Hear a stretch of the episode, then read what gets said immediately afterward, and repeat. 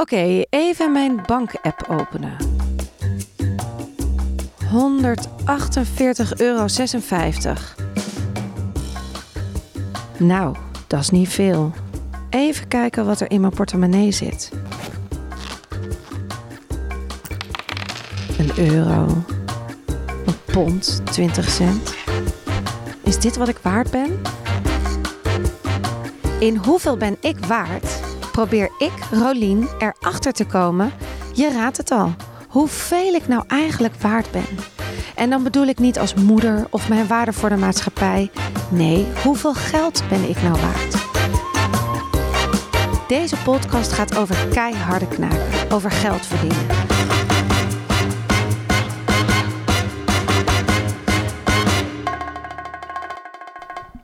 Ga in gesprek met gasten waarvan ik denk dat ze dit pad al hebben bewandeld. Ik ben benieuwd naar hun zoektocht en hoe ze achter hun waarden zijn gekomen. Met deze podcast hoop ik mezelf, maar ook jou, te inspireren. In deze aflevering ga ik in gesprek met Cindy Koeman. Cindy woont samen met haar vriend Michael op het eiland Ibiza. Ze is medeoprichter van Mastermind Academy en de Meditation Moment app. Ook hosten ze samen de podcast Leef je mooiste leven. Ik spreek haar via Zoom, want even naar Ibiza zit nog niet helemaal in mijn budget. Cindy, zou je voor mij kunnen beschrijven het moment dat jij voelde wat je waard bent? Ja, het, het moment um, wat ik mij nog wel heel erg goed kan herinneren was tijdens mijn afstudeerstage um, voor mijn scriptie toen der tijd. Ik was 24 jaar en ik, uh, mijn afstudeerscriptie was bij KPN op het hoofdkantoor in Den Haag. En ik vond dat echt verschrikkelijk. Um, ik, ik weet nog dat ik als klein kind altijd langs die kantoren in Amsterdam reed. En vroeg altijd aan mijn moeder van wat doen mensen daar? Ik ben opgegroeid op een uh, tulpenkwekerij, op een boerderij. Dus ik ben heel landelijk opgegroeid. En dan reden we wel eens langs Amsterdam. En dan zag ik al die gebouwen met al die poppetjes zie je dan van de afstand erin. En ik, ik dacht wat doen mensen daar toch de hele dag? En ik zat daar dus opeens de hele dag in een zuurstofarm gebouw uh, met TL-licht. En de eerste dag was mijn stagebegeleider, die, die leid je dan rond. En zij zei toen van, uh, nou dit is de kantoortuin. En het was een hele grote open ruimte. Dat is toen, toen de tijd, een poosje geleden, was dat helemaal nieuw. Hè? Al die kantoortuinen waar iedereen dan flexibele werkplekken heeft. Ik denk dat we daar met 50 mensen ongeveer zaten in een open ruimte. En ik vond dat zo afschuwelijk. Ik ben heel erg gevoelig voor, voor allerlei mensen en energieën. En ik kon daar echt totaal niet functioneren. Ik had mega knallende koppijn elke dag. Heb ik nog nooit gehad. En ik weet nog een moment, ik liep naar de wc en toen dacht ik, het haalt me niet uit hoe ik het organiseer, maar dit is niet hoe ik het leven voor me zie en dit ga ik echt niet doen. Ik had allerlei collega's toen al om me heen die daar soms al tien jaar zaten en ik dacht, nou, dit, ik vind het echt een gevangenisstraf dat ik in de lunchpauze dan even naar buiten mag om te luchten. Dat ik om te vijf uur moet gaan wachten. En dat iedereen dan naar buiten rent. En, en dat was heel erg een moment dat ik dacht van... Ja, wat wil ik dan wel? Hoe zie ik het leven dan voor me? En dat is een beetje voor mij ook de vraag, hè, wat ben je waard? Staat voor mij ook een beetje gelijk aan van... Uh, ja, hoe wil ik mijn leven gaan leven? Mijn professionele leven, maar ook wel mijn privéleven. Ja, ja, absoluut. En dat moment dat je daar dus liep en dacht, dit wil ik nooit. Maar wat dacht je dan wel? Wat wou je wel? Ja, ik ben daar toen uh, voor gaan... Uh, ik heb er echt heel erg de tijd voor genomen. Ik heb toen, uh, dat was ook al in de periode dat ik Michael, mijn partner, ontmoette. En die heeft me daar ook wel zeker bij geholpen. Die heeft ook die vraag gesteld van, goh, ja, alles ligt nog open voor je. Je bent 24 jaar, alles kan. Um, ja, hoe zie je het voor je dan? En um, om eerlijk te zijn, vraag nooit echt iemand op school. Vraag je daarnaar van hoe zie je leven voor je? Het is wel wat wil je worden. Maar niemand vraagt er van, hoe zou je je dag dan willen indelen als je opstaat? Hoe ziet dat er dan uit? En ik wist in ieder geval heel duidelijk, dit wil ik dus niet. Ehm, en heel grappig, die kantoortuin is heel erg me bijgebleven. Ik dacht van, nou, mijn kantoortuin is onder een palmboom. Ehm, in de zon. En uh, wij woonden toen uh, veel in, in Barcelona. Michael woonde toen in Barcelona. Ik vond het heel erg fijn daar. Um, dat was ook nooit in mij opgekomen om naar het buitenland te verhuizen. En toen dacht ik, ja, waarom ook eigenlijk niet? En um, toen ben ik gaan schrijven, oké, ik vind het dus niet fijn om met heel veel mensen in een kantoor te werken. Ik vind het überhaupt niet fijn om in een kantoor te werken. Het liefst zou ik eigenlijk een laptop willen en overal vandaan kunnen werken. Ik heb toen ook Timothy Ferris gelezen, de 4-Hour Workweek. En dat is ook best wel een inspiratiebron uh, in die periode geweest om, om te denken van ja, zou ik op die manier kunnen werken? Dus ja, hoeveel ben je waard? Het was voor mij meer heel erg van ja, hoe, ik wil eigenlijk een, een, een fijne werkomgeving en werk doen wat mij inspireert en wat ik leuk vind. En dat is mij heel veel waard. Um, ja. Om dat te organiseren voor mezelf. Maar ja, Cindy, er moet ook geld verdiend worden. Ja. Want je wou naar Barcelona op en neer. Je wou misschien lekker met vriendinnen uit eten. Ja. Nou, ik was een student. Um, ik woonde op mezelf. Ik ben op 18 ben ik op mezelf gaan wonen. Um, en mijn zussen zijn, um, beide hebben samen een bedrijf. Dat zijn de Food Sisters. En ik kom uit een hele ondernemende familie. Dus ik denk dat dat wel heel erg helpt. En ik had al een enorme affiniteit met social media, met e-commerce, met online uh, business. Waar mijn zussen toen al deels een beetje in begonnen waren. Ze hadden eigenlijk nog een fysieke diëtiste um, ja, praktijk. En dat verschoof steeds meer naar online. En dat was eigenlijk al iets waar ik heel erg mee bezig was. Ik heb toen mijn zussen geholpen met social media opzetten, met de webshop, allemaal dat soort dingen. En dat ging heel erg goed. En dat deed ik er een beetje bij. En naast ook omdat ik dat gewoon heel erg leuk vond. En toen zei mijn zus van, ja, je bent hier zo goed in. Waarom ja, je hebt eigenlijk ons al als eerste klant. Um, stel je vindt nog zes klanten, dan ben je gewoon begonnen. En toen dacht ik van ja, dit past eigenlijk precies ook in die 4-hour workweek-achtige setting. Hè. Ik kan gewoon overal vandaan werken. Ik kan het in principe in mijn eentje doen vooralsnog. Um, en ik vind het ook heel erg leuk. En toen zei mijn zus, nou ja, stel dat je ongeveer 750 euro per klant vraagt per maand. Om dat bij te houden, dat kan je in principe gewoon in je eentje doen. Um, ja, de, toen ben ik gaan kijken voor wie zou ik dan willen werken. Haar prijs was bepaald, 750 euro per klant. Maar dan, met wie wil ze samenwerken? Hoe vindt ze haar klanten en hoe benadert zij haar klanten? Nou, wat ik heb gedaan is, um, ik heb alle bedrijven eerst een moodboard gemaakt voor wie zou ik willen werken. En dan heb ik een analyse van die bedrijven gedaan. Wat ze nu op social media en qua branding en qua online uh, aan het doen waren. En dat was toen de tijdperk over zeven jaar geleden, ongeveer acht jaar geleden.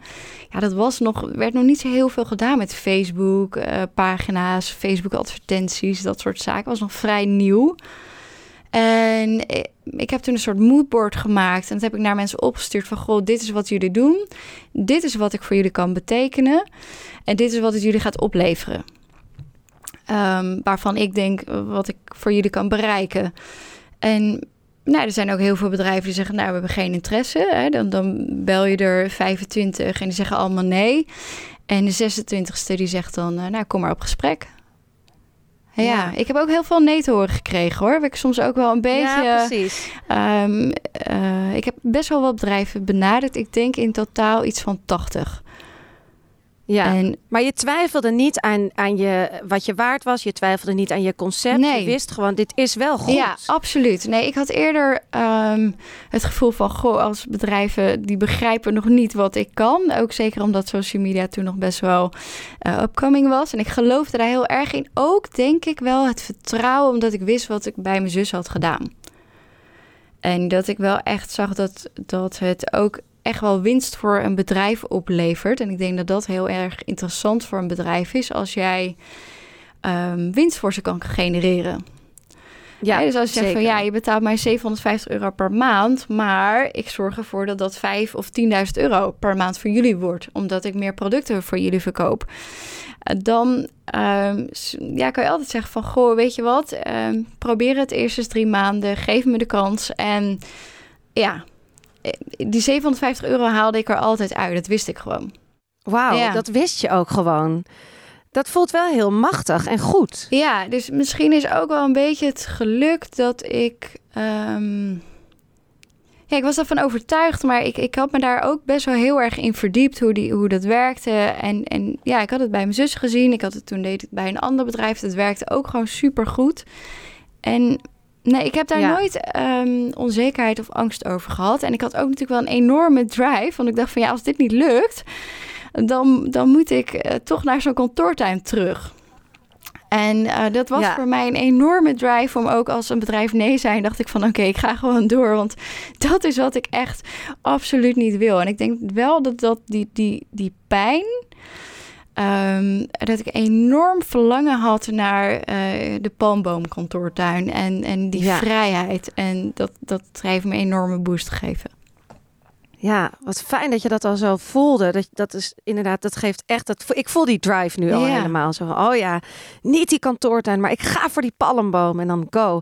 En na een jaar ongeveer, kon je toen, zag je toen geld binnenkomen? Nee, ik zag eigenlijk al meteen eh, vrij snel eh, geld binnenkomen. Want eh, ik werkte eigenlijk op. Ik, ik factureerde een maandbedrag. En daar eh, deed ik social media beheer, branding en advertising voor. Dus dat, dat kwam eigenlijk al vrij snel binnen.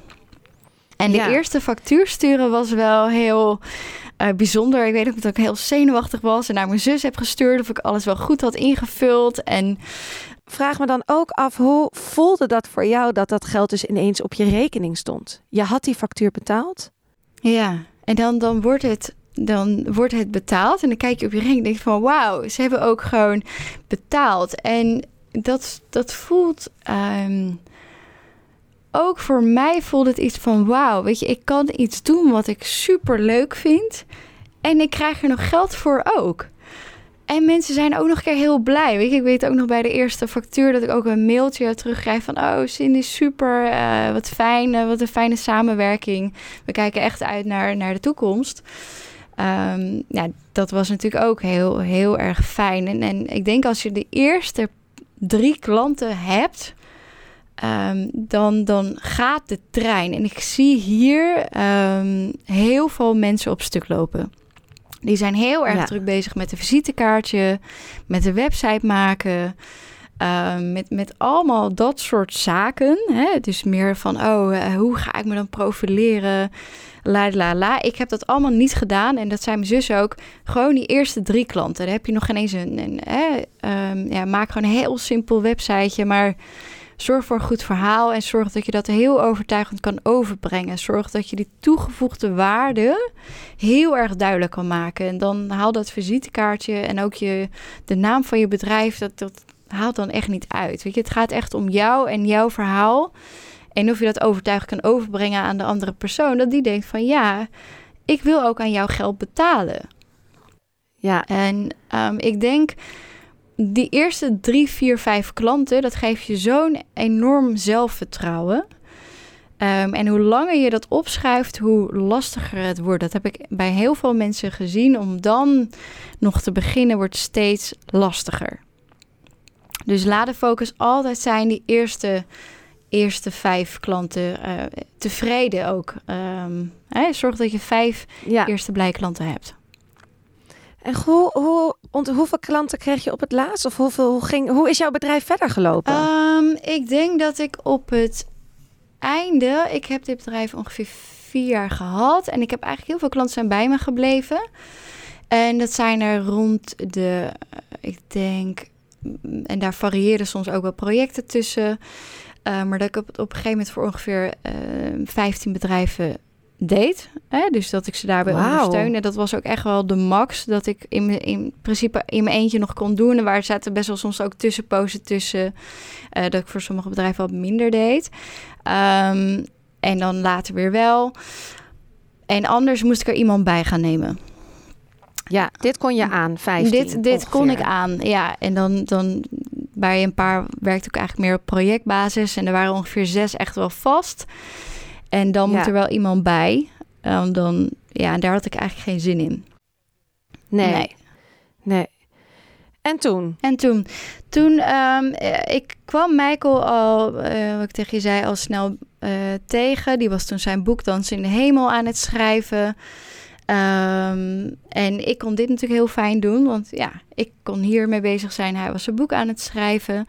Ja, wat zaten jullie echt allebei onder die palmboom? Uh, toen op een zeilboot. Te werken. Ja, ik was ook wel veel in Amsterdam hoor. Dus ik ging uh, vaak uh, een week naar Barcelona.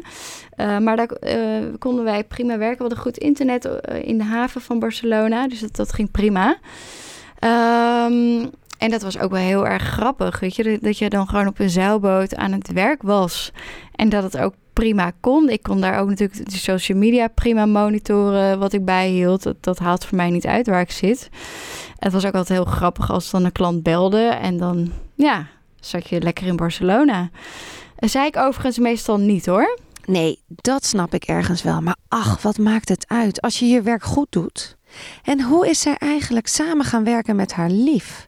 Waar komt het idee voor de podcast vandaan? En ook de Online Mastermind Academy?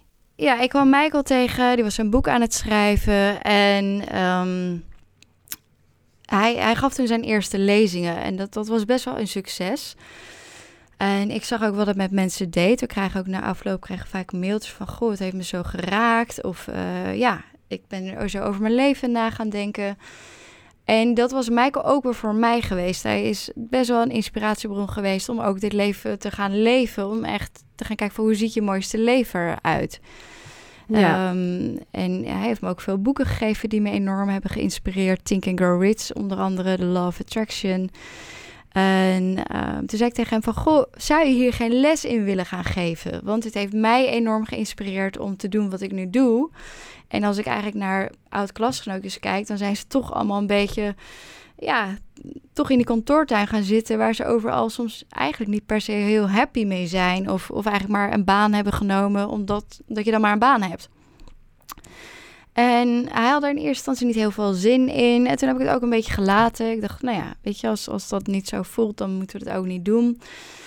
Um, maar ja, dat, dat begon toch wel steeds meer op zijn pad te komen. En um, toen zei ik tegen hem van, goh, je hebt voor de radio gewerkt, voor televisie. Neem het anders gewoon op. Um, en ik zag toen al ook, omdat ik heel vaak, ik was heel erg bezig met die online business. En ik zag dat online education heel erg groot in Amerika was op dat moment. Ik volgde zelf ook veel online programma's over marketing, over social media. Maar dat was bijna alles, uh, kwam uit Amerika. Dat was nog helemaal niet in Nederland. En ik vond het super fijn werken, want ik kon van de beste teachers in Amerika, ja, kon ik alles leren. En ik zei tegen mij, nou, ik kan me voorstellen dat je geen zin meer hebt om, om continu op het podium te staan. Je, je zit ook veel hier. Neem het op. Dan heb je het één keer opgenomen en dan hebben vast heel veel mensen daar plezier van. En dan maak ik gewoon een website en nou, de omgeving wel. Ik kon ook websites bouwen. En, en zo zijn we dat een beetje gaan doen. En daar hadden we eigenlijk nog niet per se een soort van heel groot plan achter. Maar ik had meer zoiets van: oh, ik, ik hoop dat je wat meer mensen hiermee kan inspireren. En dat, dat liep toen eigenlijk best wel snel heel erg goed. En ik weet nog, ons eerste online programma deden 500 mensen aan mee. Um, en dat was best wel heel veel. Ja. Um, en toen, en toen hadden ze iets van wow. Uh, en de reacties waren heel, heel positief. En we merkten ook dat we het eigenlijk heel erg leuk vonden om te doen. En we gaven daar toen ook wel webinars bij. En dat, ja, dat paste zo uh, bij ons. En het gaf ons zoveel energie. En ik weet nog dat mijn coach toen aan mij vroeg van... Goh, stel nou hè, dat je stopt met social media at work... maar je, je gaat je volledig focussen op ja, op, op wat Michael uh, en jij nu eigenlijk aan het doen zijn. En, en wat denk je wat er dan gebeurt? En toen zei ik, ja, ik denk dat we dan door het dak heen gaan. En op het moment dat ik dat zei, schrok ik daar een soort van. En toen zei hij, maar waarom doe je dat dan niet? En dat heeft denk ik ongeveer vier maanden geduurd uh, om over die vraag na te denken, ook samen na te denken. Michael en ik samen van, goh, ja, um, willen we dit allebei? Dat vraagt een behoorlijk commitment, zowel van Michael als van mij. Hè? Dat, dat gaan we hier echt een bedrijf van maken? Gaan we dit verder uitbouwen? Uh, dat betekent dat ik ga stoppen met mijn, uh, mijn werk. Maar Michael moest er ook wel echt wel zijn vrije leventje ook wel deels voor inleveren. Hij wilde heel graag nog gaan zeilen. Nou, we wisten ook dat gaat hem dan ook niet worden. Nee. Uh, maar toch voelde het voor ons allebei wel echt meer als een, echt als een missie. Ehm, en, Ja. en we, we kregen er allebei heel veel energie van. En social media at work vond ik heel leuk, maar het voelde wel iets meer als werk. En ehm, de online programma's ehm, waar we mee bezig waren, dat, dat voelde veel minder voor mij als werk. En ik, ik merkte ook de impact ervan op, op zoveel mensen. Ik dacht van ja, ik wil hiermee door. En, en Michael had het ook.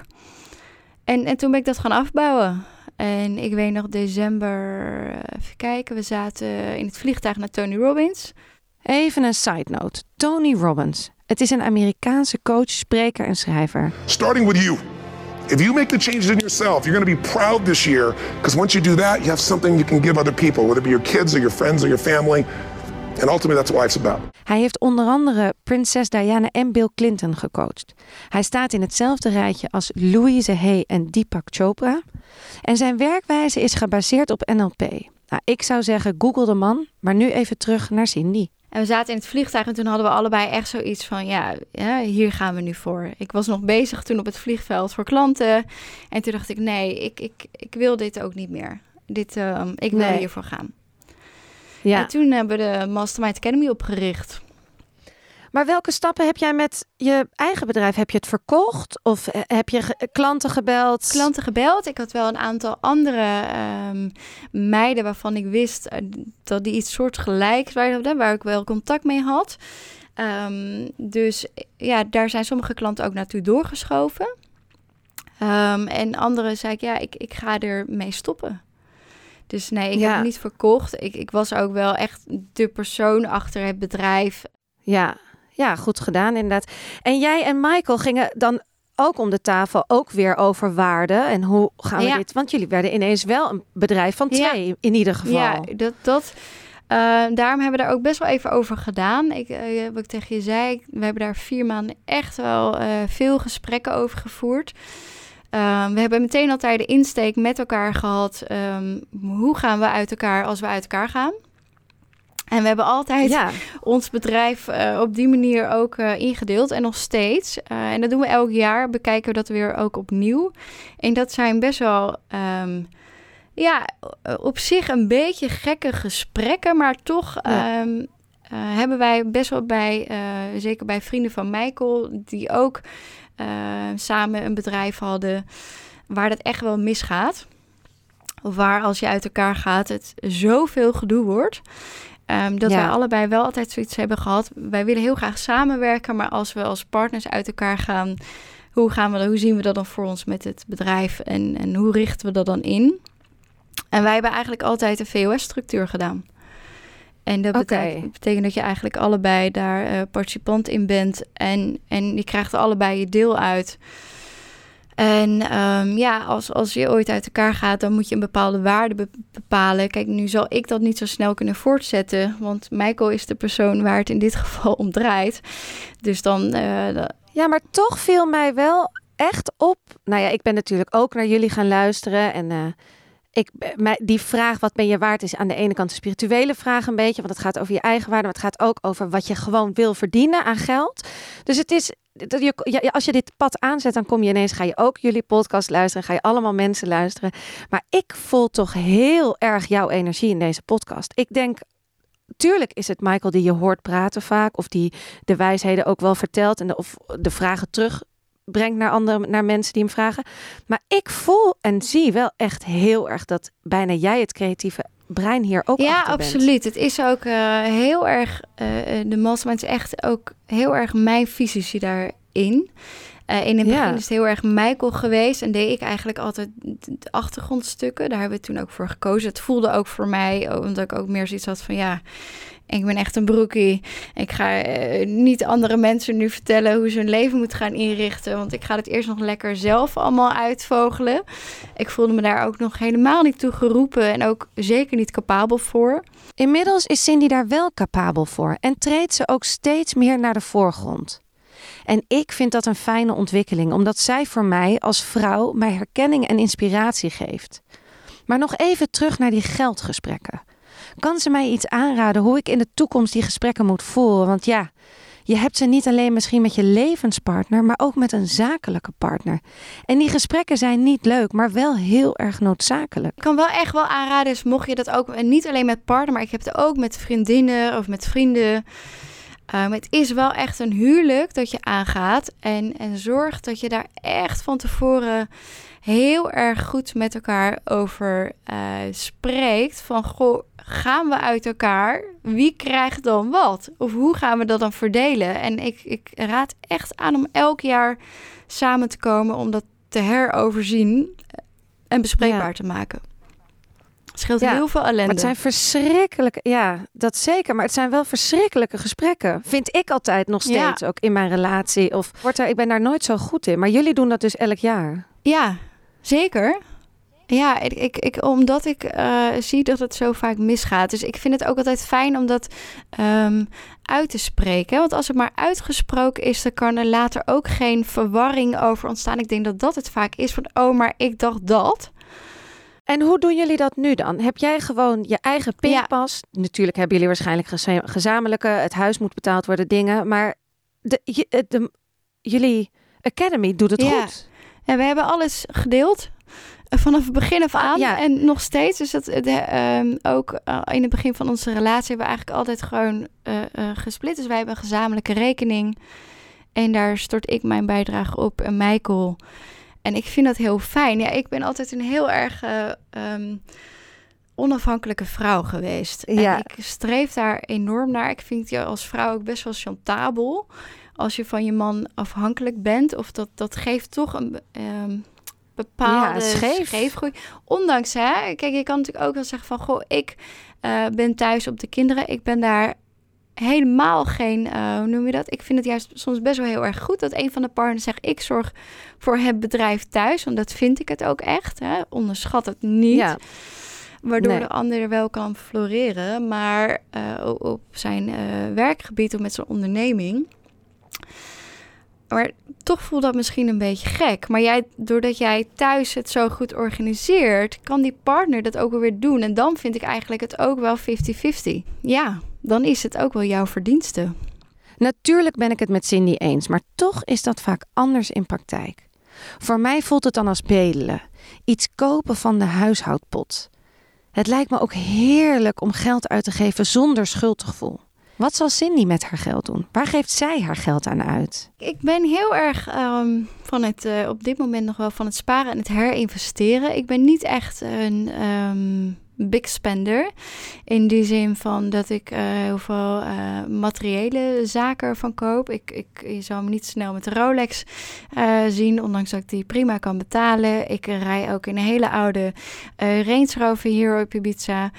Um, wij wonen wel in een heel erg prettig huis, maar dat is ook meteen onze werkomgeving. Dus dat, dat is mij heel veel waard. Um, en voor de rest investeer ik eigenlijk tot nu toe alles in, um, in ontwikkeling. Persoonlijke ontwikkeling, daar is echt heel veel geld naartoe gegaan. Ik denk, uh, als ik alleen dan naar alle trainingen van Tony Robbins kijk, dan praten we denk ik wel over 25.000 euro. Dan nog alle marketingtrainingen, alle boeken, dan, dan gaan we echt wel richting de 40.000 euro. Wat ik heb geïnvesteerd in de laatste jaren. Wauw. Hoe, hoe, hoe, en dat doe je nog steeds? Ja, absoluut. Ik, ik kies ook elk jaar um, een, een topic uit waar ik mezelf in wil verdiepen. En dat hoeft niet altijd zo prijzig te zijn, overigens, als dit hoor. Um, maar ik heb bijvoorbeeld een jaar familieopstellingen heb ik me in verdiept. Ik verdiep me nu heel erg in ademhaling. Vind ik ook heel interessant. Dus daar koop ik cursussen van. Um, ik ga naar personal coachings omdat ik ook denk dat dat ook weer je waarde vergroot altijd. Ja, oh, dus jij investeert echt inderdaad in jezelf. En jij zou dat ook wel echt iedereen aanraden van joh, je eerste geld. Ja, geen, geen spullen van kopen. Nee, nee, absoluut niet. Nee, nee, kijk altijd of je het geld wat je verdient, of je dat weer uh, kan herinvesteren, ofwel in jezelf, of in je, in je bedrijf, of in een andere inkomstenstroom. En persoonlijk, wat zou je een haptonoom aanraden? Of zou je zeggen, nee, ga eens een keer een coach? Of... Ja, je zou sowieso, ja, iedereen moet een coach. Dat, dat zou ik altijd ja, aanraden. Een, uh... Absoluut. Ja. Hey, en als laatste, als ik jou vraag of als ik jou zeg, rijk zijn is een keuze. Hmm. Is dat zo? Rijk zijn is een keuze. Ik denk wel dat het een beslissing is. En, en iedereen komt hier natuurlijk op aarde met, met andere talenten en andere skills. Ander IQ, EQ. ehm, maar het, het je ontwikkelen, lezen, wat ik zeg, hè, ehm, het investeren in jezelf, dat is ook een keuze. Ehm, wat mij ook natuurlijk maakt tot wie ik nu ben. Ik had ook voor Netflix eh, avonden kunnen zitten en, en dat allemaal niet kunnen doen. En dat vind ik wel een keuze. Je, je hebt wel de keuze om jezelf te Ja. ontwikkelen, om boeken te lezen, om cursussen te volgen. Op YouTube kan je superveel gratis vinden, waardoor je wel meer waard bent, omdat je bepaalde skills leert. En, en Ja. ik vind dat vaak wel een keuze. Ja, absoluut. Ja, maar jij bent dus ook wel een doener, want jij eh, zit praktisch Nee. weinig achter Netflix. Nee, Jij bent wel. ik heb ook geen abonnement daarop. Nee? Jij bent eh, dus jij. Wauw. Nee, ik, ik moet wel. Ja, nee, ik ben echt wel het doen. Maar dat is ook omdat ik dat heel fijn vind om daar mijn tijd aan te besteden. Maar ik, ik ben in de avonden eigenlijk altijd bezig. Eh, ik doe ook wel eens niks natuurlijk. Ik ga lekker met ons hond lopen of lekker ergens wat eten of wat dan ook. Maar heel veel tijd die ik besteed is wel aan werk. Nee, dus ik kijk nooit televisie. Nee, nee, nou heel goed inderdaad. Nee, mooi om te horen. Ik eh, ben eh, zeker geïnspireerd. Ik ga hem afsluiten. Dankjewel. Dankjewel, lieve Cindy. Ik eindig onze eigen podcast altijd met Leef je mooiste leven. Eh, en daar wil ik ook deze podcast graag mee eindigen. Ik wens jou dat toe. Eh, leef je mooiste leven, maar ook al jouw luisteraars uiteraard. Vond je dit nou net zo waardevol als ik? Of heb jij tips over hoe je achter jouw waarde kwam? Ik hoor het graag. Tot de volgende!